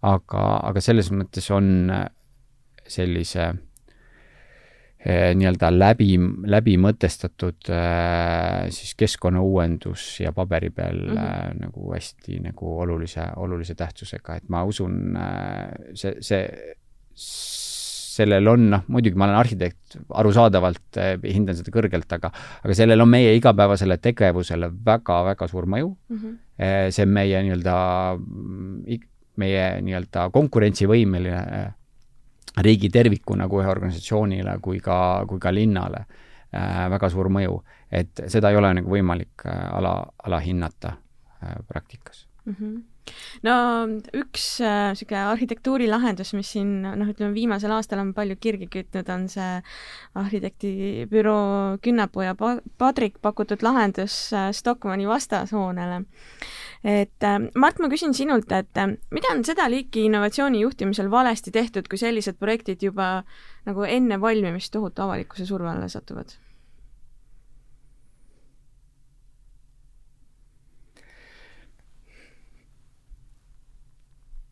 no ütleme, see läheb pisut kaugemale minu sellisest erialast innovatsiooni juhtimine mm, -hmm. sest siin on ikkagi äh, avalik arvamus ülisuure osakaaluga demokraatlikus riigis äh, ja noh, avalikkuse surved ja kõik need asjad on ju, et noh, nendele läheneda innovatsiooni juhtimise, just eriti äriinnovatsiooni juhtimise äh, tööriistakastiga ei ole kohane mm. -hmm. nüüd avalikkuse poolt sellised noh, kõvad valjud hõiked või kriisked, jah nad leiavad kõlapinda, eriti kui meedia neid võimendab, aga jälle no lähme natukene ajas tagasi. Eiffeli torn. Äh, ennem kui see valmis, äh, kogu nii-öelda Aguli seltskond Pariisis, aga eriti veel kogu Pariisi e-, e-, eliit, haritlaskond olid tagajalgadel. noh, pole hullemat asja. No täiesti õudne noh, ja siis Time will tell on ju. Mhm. no nüüd ta on Pariisi sümbol või noh, ütleme terve Prantsusmaa sümbol. jah, just, ja täpselt, et noh, küsi nüüd on ju. või noh, eksport ja nii edasi kõik, et, et sellised äh, võib-olla ei ole vaja kohe esimesest kriik, kriiskamisest või emotsionaalsest äh, meeleolust ennast niimoodi häirida lasta noh, araabia vanasõna on ju, et kui koerad hauguvad, karavan läheb edasi mm. -hmm. noh, jälle loomulikult, kas see karavan läheb õiges suunas ja kas mm -hmm. ta on õige suurusega ja ja kaamlid on toidetud ja see kõik lo lo loomulikult, aga ma arvangi, et selline asjade settide laskmine, läbimõtlemine, äh, rohkem diskuteerivaid osapooli, jah, diskussioonis sünnib ju tõde mm. -hmm. aga jälle, äh, noh, mul on endal tunne, et äh, just sellises, ütleme, arhitektuuris või, või seal see tõde sünnib pigem hiljem kui varem. pigem on see, et esimene emotsioon, inimene vaatab, oi kui kole, kui on püsti, on ju mhm noh, aasta pärast kuidagi juba harjub ära ja siis viie aasta pärast, oi, noh, nagu teistmoodi nagu ei saakski, on ju. igapäevaelu osaks on juba see. ja, ja, ja võib-olla see arhitekt nägi seda viite aastat ette, on ju, oma mm -hmm. vaimusilmas mm. -hmm ja lihtsalt nii-öelda nendel inimestel, kellel ei ole seda antud võib-olla seda vaimusilma viis aastat niimoodi ette näha ja kõike seda sobitumist sellega, neil võtabki harjumiseks aega mm. -hmm noh, oma valdkonnast ma võin tuua selle iPhone'i, noh, Nokia ütles, no kes ometi hakkab äh, äh, äh selle ekraani peal näpuga midagi vedama, sest noh, Nokial oli valmis ju prototüüp mm. -hmm. Si-, noh, nimetame seda iPhone'i prototüübiks, aga aga selline, ütleme, ekraani peal, et nupp, nuppe enam polnud vaja. aga noh, kes hakkab näpuga seal ekraani peal midagi tõmbama, et noh mm -hmm., unusta ära, et noh mm -hmm., et äh, ei ole kõigile antud seda e-, ettenägelikkust, on ju. Mhm. ja Jobs siis oma geniaalsuses tegi ära ja siis, kui tuligi, noh siis nagu meil kõigil on nüüd sellised ei no nüüd on väga palju intuitiivseid ekraane, eks ole. ehk siis, aga noh, jälle on palju ka läbikukkumist, on ju, ei saa öelda alati, et kellelgi oli vaimusilmas mm -hmm. midagi, et nüüd see ongi, on niisugune prohvet, et kõik teised äh, olgu vait, et ootame viis aastat ära ja ja, ja noh, äkki lähebki mm -hmm. nii, aga äkki ei lähe, on ju. Mhm. ehk siis siin ei ole, ma arvan, sellist retsepti mm. -hmm. et siin mõned asjad kukuvad hästi välja, mõned asjad ei kuku nii hästi välja aga ma arvan, hullem on öelda, et üldse midagi välja kukuks, mhm. on ju, et siis me elaksimegi eh, sajanditagustes hoonetes ja midagi ei muutuks, et et tuleb anda innovatsioonile võimalus mm. -hmm. nüüd on see küsimus, et, et kui, kuidas me seda siis võimalust ikkagi kitsendame, et oleks avalik huvi, keskkonna huvi, on ju, ja nii edasi mm, -hmm. kõik siin, jah. eks see on selles mõttes äh, ilmselt selline pendli teine äärmus, et, et mitte ju väga ammu tagasi oli ikkagi kesk, siis äh, projekteerimine, planeerimine oli nagu sada protsenti arhitektide mm, -hmm. spetsialistide pärusmaa, et arhitekt teadis äh, vastuseid, nagu juht teadis, kuidas organisatsiooni juhtida, et selles mõttes võib-olla ma ei tea, kas me oleme nüüd nagu teises äärmuses selle, sellise nii-öelda avalikkuse survega ma arvan, et Eestis kokkuvõttes on ikkagi avalikkuse kaasamine pigem, äh, pigem veel ikkagi lapsekingades, et mm -hmm. ja mhm. avalikkuse kaasamine ei tähenda alati nagu seda kuulamist täpselt nagu ja tege-, või õigemini tegemist täpselt nii, nagu öeldakse, et kuulata tuleb, et see on väga oluline aga küsimus on, et mis selle tagajärje sünnib, et selles mõttes ma ikkagi jätkuvalt arvan, et et selle keskkonna uuendamisel pliiats on ikkagi arhitekti käes, see nii oli, on ja jääb, arhitektid on koolitatud selleks tegema, et lõpliku otsuse äh, Äh, langetavad äh, nii-öelda siis äh, arhitektid või ja, ja või siis ka tegelikult planeerimise puhul ju poliitikud, et ka planeerimine on nagu valdkond, kus ju tegelikult arhitekt, planeerija ei langeta otsust mm. -hmm. ta küll joonistab, aga otsuse langetab poliitik, et see on jälle nagu see või ametnik, jah? no, no vot, see on see nüüd küsimus, et kas poliitik on kummitempel selle ametniku käes või, või kuidas sellega on, et jah. Et see on selline eraldi teema, aga noh, see ütleme noh, nii-öelda juriidiliselt või professionaalselt võttes eh, tänasel päeval on need rollid nii-öelda keskkonna uuendamisel äh, nii-öelda jaotunud ja see on just äh, nagu annab väga selge nagu sõnumi sellele, et meil igalühel on tegelikult roll selle keskkonna uuendamisel. et äh, täna see ei sünni ainult läbi nii-öelda arhitekti, vaid et arhitekt on siis nii-öelda üks osa sellest protsessist ja ja väga palju tegelikult on ka täitsa ju tavalisel inimesel võimalik läbi oma nii-öelda sõnumi äh, Äh, äh, kus iganes ta seda välja ütleb, tegelikult mõjutada seda, mis meie ümber keskkonnas toimub ja, ja, ja poliitikutel ja otsustajatel ju seda, seda enam mm -hmm. tegelikult, et, et noh, küsimus on jälle nüüd selles, et kuivõrd kuulatakse seda professionaali, et see on nagu järgmine tasand sellest, et et kuivõrd ollakse valmis seda professionaali kuulama ja kuidas seda nii-öelda, kuidas see otsustusmehhanism toimub, et aga aga jälle ma ei saa jäl-, kordamata jätta seda, et et et kui maja on ehitatud, siis ta on nii-öelda keskkonnas olemas ja seda sam-, me ei, me ei noh, nii-öelda niisama maha ei võta, nagu ei mhm. raiu lihtsalt ühte puud ka samamoodi maha, et et see on selles mõttes olemas, paber ja digimaailm võimaldab seda nii-öelda läbi, läbikammimist ja nii-öelda läbi hekseldamist, enne kui sinna päris, päris maailma midagi juhtub, et aga, aga jah, see see viis, kuidas nii-öelda neid äh, vältida seda, et siis neid, need vead nii-öelda meie keskkonda siis nii-öelda oluliselt nii-öelda kahjustaksid. et äh, see, seda, seda selles mõttes tasub teha nii-öelda sammhaaval, seda keskkonna uuendamist, et neid vigu ei juhtuks mm. -hmm. no lõpetuseks, Mart, ma küsiks sinult äh,, anna mõned soovitused, mida peaksid tegema ettevõtted või organisatsioonid, kes tahavad teadlikumalt või süsteemsemalt hakata äriinnovatsiooniga tegelema?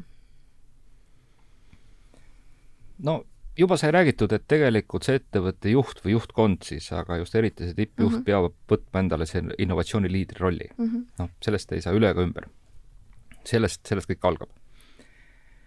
siis teine, millest ka oli juba juttu, et innovatsiooni ei tohiks käsitleda kui mingit äh, ütleme siis eesmärki, mille poole püüelda asja iseeneses? no asja iseenesest äh, mingit, et me teeme see, seda, seda, et see on meie nagu ütleme, eesmärk või üks, üks paljudest eesmärkidest mm. -hmm. innovatsioon on tegelikult võimekus, võimekus uuendada, uueneda.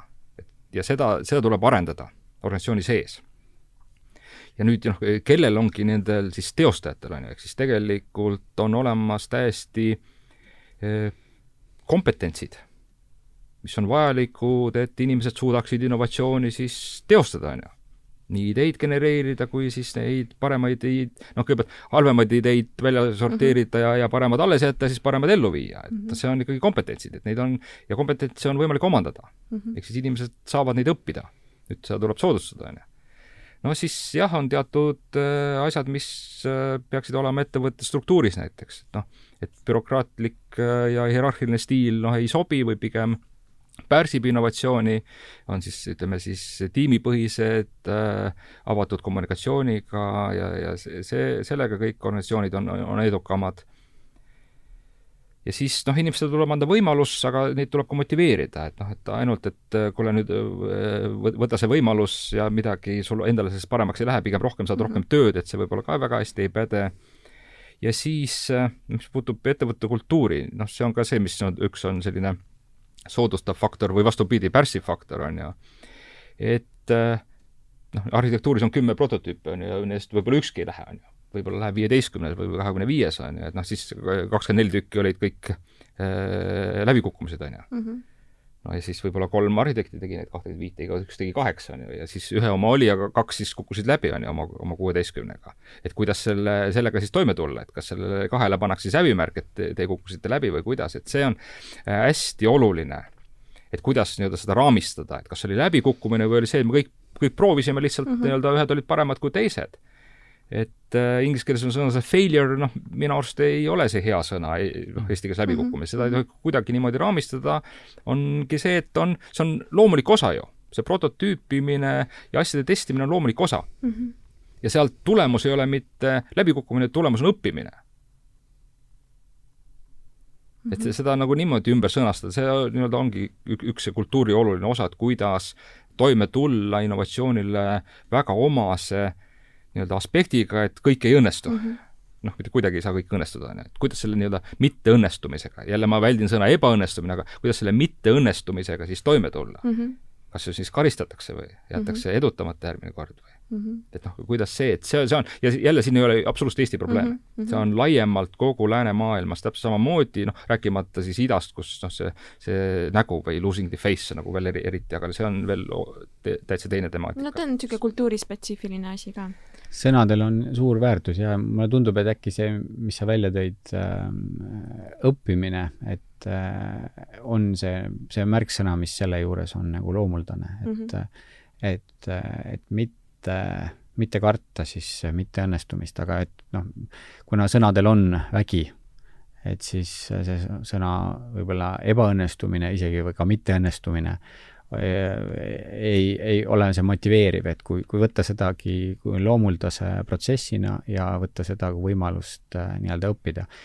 ja jälle ma ju mõtlen, mis inimesi motiveerib, et see peaks olema jälle loomuldaselt inimeste äh, soov seda täpselt nii teha, sest äh, üks osa ju, miks inimesi või mis inimesi tööprotsessis äh, motiveerib äh, ja ongi see isiklik areng mm. -hmm. et ja kui see, kui see kuidagi nii-öelda põimida selle, selle nii-öelda organisatsiooni tegevuste uuendamisega, siis siis noh, ongi oluline osa sellest vundamendist olemas ju tegelikult sellel uuendamisel mm. -hmm no see on hea noot, millega meie sisuline osa täna lõpetada.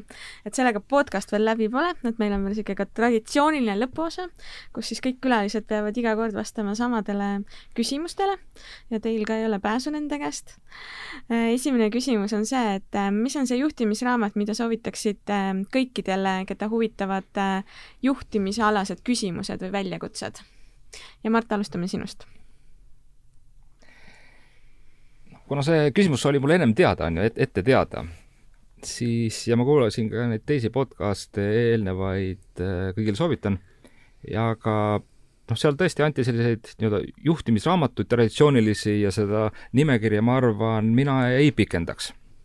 oleks hea. natukene innovatiivne siin ja äh, mina mõtestaksin juhtimisraamatut kui raamatut juhtimisest, mhm. on ju. ja nüüd, kui me mõtleme, mis on juhi äh, nagu tööriistakastis äh, üldse juhtida, noh, ta juhib ju teisi inimesi, on ju mm. -hmm. ja siis, et neid üldse kuidagi juhtida, peab aru saama, mis paneb neid liikuma, mis neid motiveerib, mis paneb neid tegutsema ja nende küsimustega tegeleb psühholoogia ja siis noh, ettevõte on väiksed grupid, mingid tiimid on ju, osakonnad, ehk siis äh, sotsiaalpsühholoogia ja mina soovitaksin juhtidel laiendadagi oma seda nii-öelda juhtimisraamatute ähm, arsenali nii-öelda laiuti lugedes, ehk siis lugedes rohkem nüüd äh, psühholoogilist ja sotsiaalpsühholoogilist kirjandust, aga enamik inimesi noh, ei tunne eriti just teaduskirjanduse mm -hmm. lugejatena ennast väga, väga mugavalt. mina olen enda jaoks leidnud äh, Terry Pratchetti tema raamatud. aga jah, jälle no, muidugi need raamatud, see on, see on fantaasiakirjandus, nad räägivad trollidest ja haldjatest ja nõidadest ja, ja siis eh, noh, nii meessoost kui naissoost nõidadest, on ju, ja eh, kõik igatepidi vahva fantaasiakirjanduse noh, nii-öelda tippklass on ju maailmas Mm -hmm. aga mina ei loe seda kui fantaasiakirjandust, mina loen tema raamatuid kui väga häid psühholoogia, sotsiaalpsühholoogia mm -hmm. kirjandust jah, loomulikult tal on nii-öelda mõõnahetked ja, ja tipphetked on ju, need raamatud ei ole täpselt samasugused, on ju, ja nii edasi kõik, aga sealt ikka leiab päris äh, hästi neid pärleid, mis noh, võimaldab siis äh, nii-öelda endale mõtestada noh, jälle inimeste liikuma panevaid jõudusid, mis neid motiveerib, mis ei motiveeri, on ju, seda kõike, ehk siis jälle noh, mina soovitaksin Terry Pratchetti raamatuid. okei okay,, no see on esimene kord ja väga huvitav soovitus, aitäh. nii, Raul, mis raamatut sina soovitaksid? ja väga huvitav, ilmselt minu soovitus või selline lemmik, ma ei tea, kas seda soovitusena käsitleda, e, on äh, hoopis äh, samamoodi mitte otseselt äh, seotud juhtimisega, et pigem mind ennast inspireerib lugedes hoopis mingit muud teemat, kus mina leian endale mm, -hmm. enda jaoks vajalikke või selliseid olulisi mõtteid. et ja, ja selles valguses äh, minu jaoks on väga geniaalne raamat, on äh, äh, Saint-Exupéry Väike prints. et äh, ja seal on ka nagu see kuldne lause seotud nagu soovitustega, et kui, nõuannetega, et kui äh, kui nõu anda, annad, siis vastutad. Et äh, ja teine on, äh, või selles mõttes minu jaoks ka isiklikult on väga väga hea võimalus äh, nii-öelda kirjandusega või, või selliste mõtetega, äh, teiste mõtetega tuttavaks saada, on ikkagi podcast'id lisaks selle, nendele podcast idele, EBS-i podcast idele tegelikult äh, julgen, julgen soovitada, kuulan tihti äh, CBC Ideas mm. ja, ja siis ka ööülikooli kus, kus ma jätkuvalt arvan, et Eesti selline kõige täpsem mõtleja on Ülo Vooglaid, kelle nii-öelda mõttetäpsus ja teravus on nagu võrratu mm. -hmm okei okay., väga hea. järgmine küsimus, mis on üks soovitus, mis sa alati juhtimise kohta annaksid? ja Raul, jätkame sinuga jaa, ma, ma arvan, et ma enda puhul äh, nagu ma pean väikest printsi tunnistada jälle tsiteerides, peab olema ettevaatlik soovitustega, lihtsalt ma saan tugineda enda kogemusele. et äh, ma arvan, et esimene, minu enda jaoks esimene selline kreedo on, et kaadrid otsustavad kõik mm. -hmm. ja vanast ajast tuntav tsitaat ja teiseks nii-öelda inimeste usaldamine mm. -hmm. et see on see, mis minu jaoks annab selle äh, selle võimaluse, kuidas äh, kõige paremini saavutada neid äh, nagu neid äh, eesmärke, mida siis organisatsioonile ja mida sa ise oled nagu endale seadnud ja koos oma meeskonnaga. et inimesi tuleb usaldada? ma arvan jah, sinna alati see, see, see nii-öelda kontrolli ka juurde sinna nagu lõpuks, aga, aga ma teiselt poolt ma jälle nagu noh, nii-öelda jälle loona, kuidas ma kogesin Kanadas, kus ähm, kus ma eh, pidin iga nädal täitma siis oma nii-öelda timesheet'i või mm -hmm. nagu nii-öelda aruannet, mida ma siis nädala tegin, et noh, ma saan aru. ajakasutuse kohta. jah, just, et mhm. saja viiekümne inimese organisatsioon, et ilmselt on see nagu vajalik, et aru saada vähemalt, eh, mida inimesed teevad võib-olla on äh, selleks efektiivsemaid meetodeid, ma ei tea, ma ei ole olnud saja viiekümne inimese organisatsiooni mm -hmm. juht, ma ei oska seda nagu öelda, eriti arhitektuuri mm -hmm. valdkonnas. aga mulle nagu tundub, et äh, ka isegi isiklikus kogemuses, et, äh, et kui see nii-öelda esimene step, see nii-öelda, nii-öelda kaadrite nii-öelda see mehitamise mm -hmm. pool on nii-öelda õnnestunud ja, ja, ja ja see siis jõuda sellesse järgmisse etappi, et noh, et, et kas sa nagu usaldad, et no muidugi see kontrollimine on nagu vajalik, aga mm -hmm. aga ma pigem nagu mulle tundub, et, et läbi selle usalduse on võimalik nagu nii-öelda rohkem saavutada ja, ja läbi selle -hmm. olla efektiivsem, kui kõiki neid asju nii-öelda siis nii-öelda näpuga üle kontrollida mm. -hmm. et ega noh, suures organisatsioonis või noh, teatud hetkel noh, see ongi juba vältima, noh, ei olegi võimalik enam, et see, see peab paratamatult äh, niimoodi toimima mm. -hmm no Mart, mis on see üks soovitus, mis sa alati juhtimise kohta annaksid? no mina mõtlen, et juhtimine noh, algab ja lõpeb tegelikult ju enesejuhtimisest mm. -hmm. ja enesejuhtimise alus on eneseteadlikkus või eneseteadvus. ja nüüd teisest küljest, kui ma mõtlen, mida juhid äh, teevad, mina olen enda jaoks mõelnud, et tegelikult noh, tegelikult ainult kolme asja. Nad juhivad inimesi, protsesse ja teevad otsuseid mm. -hmm ja nüüd, et kui juht iseendale mõtestab, reflekteerib siis seda, kuidas tema juhina juhib protsesse, kuidas tema juhib inimesi ja kuidas tema teeb otsuseid, mis paneb teda nii juhtima ja nii tegema selliseid otsuseid ja mitte teistsuguseid, äh, siis äh, ta saab olust eneseteadlikumaks mm. -hmm. ja ma arvan, selle läbi tema nii-öelda juhtimiskvaliteet ka tõuseb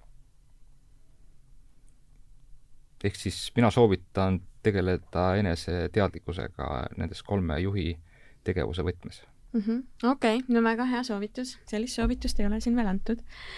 ja viimane küsimus, mis oskust või juhtimisoskust sa tunned, et enda juures pead veel arendama? Ja Mart, jätkame sinuga. No mul on väga lihtne, et tegelikult ongi, kuna see eneseteadlikkus äh, on lõputu teema. Mm. -hmm me küll äh, sündides ei ole veel selleks võimelised mm, -hmm. aga õige pea kasvades saame selleks võimeliseks ja no oleme enam-vähem võimelised kuni surmani, on ju. et siis, kuna see on lõputu teema, siis ma arvan, siin äh, saab igaüks iga päev paremaks saada, noh, sealhulgas loomulikult ka mina okei no väga hea. Raul, mis sa tunned, et sina pead enda juures arendama veel? või millega sa pidevalt teed tööd? jaa, ma, ma pean tunnistama, et nagu äh, ma olen ikka jätkuvalt äh, nii-öelda siis ise, ise hakanud juht, et elu on mind sundinud või kuidagi äh, suunanud, ei ole õige sunditud. me enda, minu enda valikud ju need on, et äh, et ma olen üsna palju tegelikult küll praktikas juhtimisega kokku mm -hmm. puutunud, aga seda, seda teoreetilist poolt äh, mitte liiga palju saanud mm, -hmm. et selle tõttu ma hea meelega ilmselt kasutaks, kasutan ära selle, selle võimaluse, et Arhitektuurikeskus teeb koos EBS-iga siis arhitektuurivaldkonna juhtidele siis, siis nii-öelda siis juhtide pädevusprogrammi, ja, ja ilmselt ma osalen ka ise selles mm. -hmm. nii et ma olen, ma arvan, hea meelega ja siis kuulan juba Martiga täpselt nii-öelda professionaalset loengut ja palju teisi tegelikult väga, väga põnevaid inimesi, kes, kes avavad selle, seda juhtimispoolt läbi arhitektuuri valdkonna, nii et, et ma, ma arvan, et me sellist äh, mul on kõrva taha panna selliseid praktilisi, praktilisi teadmisi mm -hmm. kõigis äh, juhtimise valdkonna nii-öelda aspektides, et äh, jaa, ma arvan, et see, see, see kulub äh, arhitektuuri valdkonnas toimetavatele inimestele päris, päris marjaks ilmselt ära, et sest see on selline teema, mis ei ole mis on nagu üsna spetsiifiline ühelt poolt, sest Äh, justkui nagu see innovatsioon ja selline nii-öelda, ta ei ole selline traditsiooniline äh, viis ja organisatsioon, et seal on see nii-öelda see looming ja see nii-öelda äriline mm -hmm. pool nii-öelda kokku põimitud, et et äh, jah, ma arvan, et äh, ma ei hakka seda loetelu ette lugema okei okay,, väga hea, ära hakka jah, meil saateaeg on ammu juba lõppenud aga, aga igatahes ähm, selline oligi meie tänane saade. Äh, aitäh, äh, Mart, aitäh, Raul. Äh, aitäh ka kuulajatele ja järgmise korrani. see oli EBS-i podcast Satelliit. kuula meie teisi saateid nii Apple podcastidest, Spotify'st kui ka Youtube'i kanalist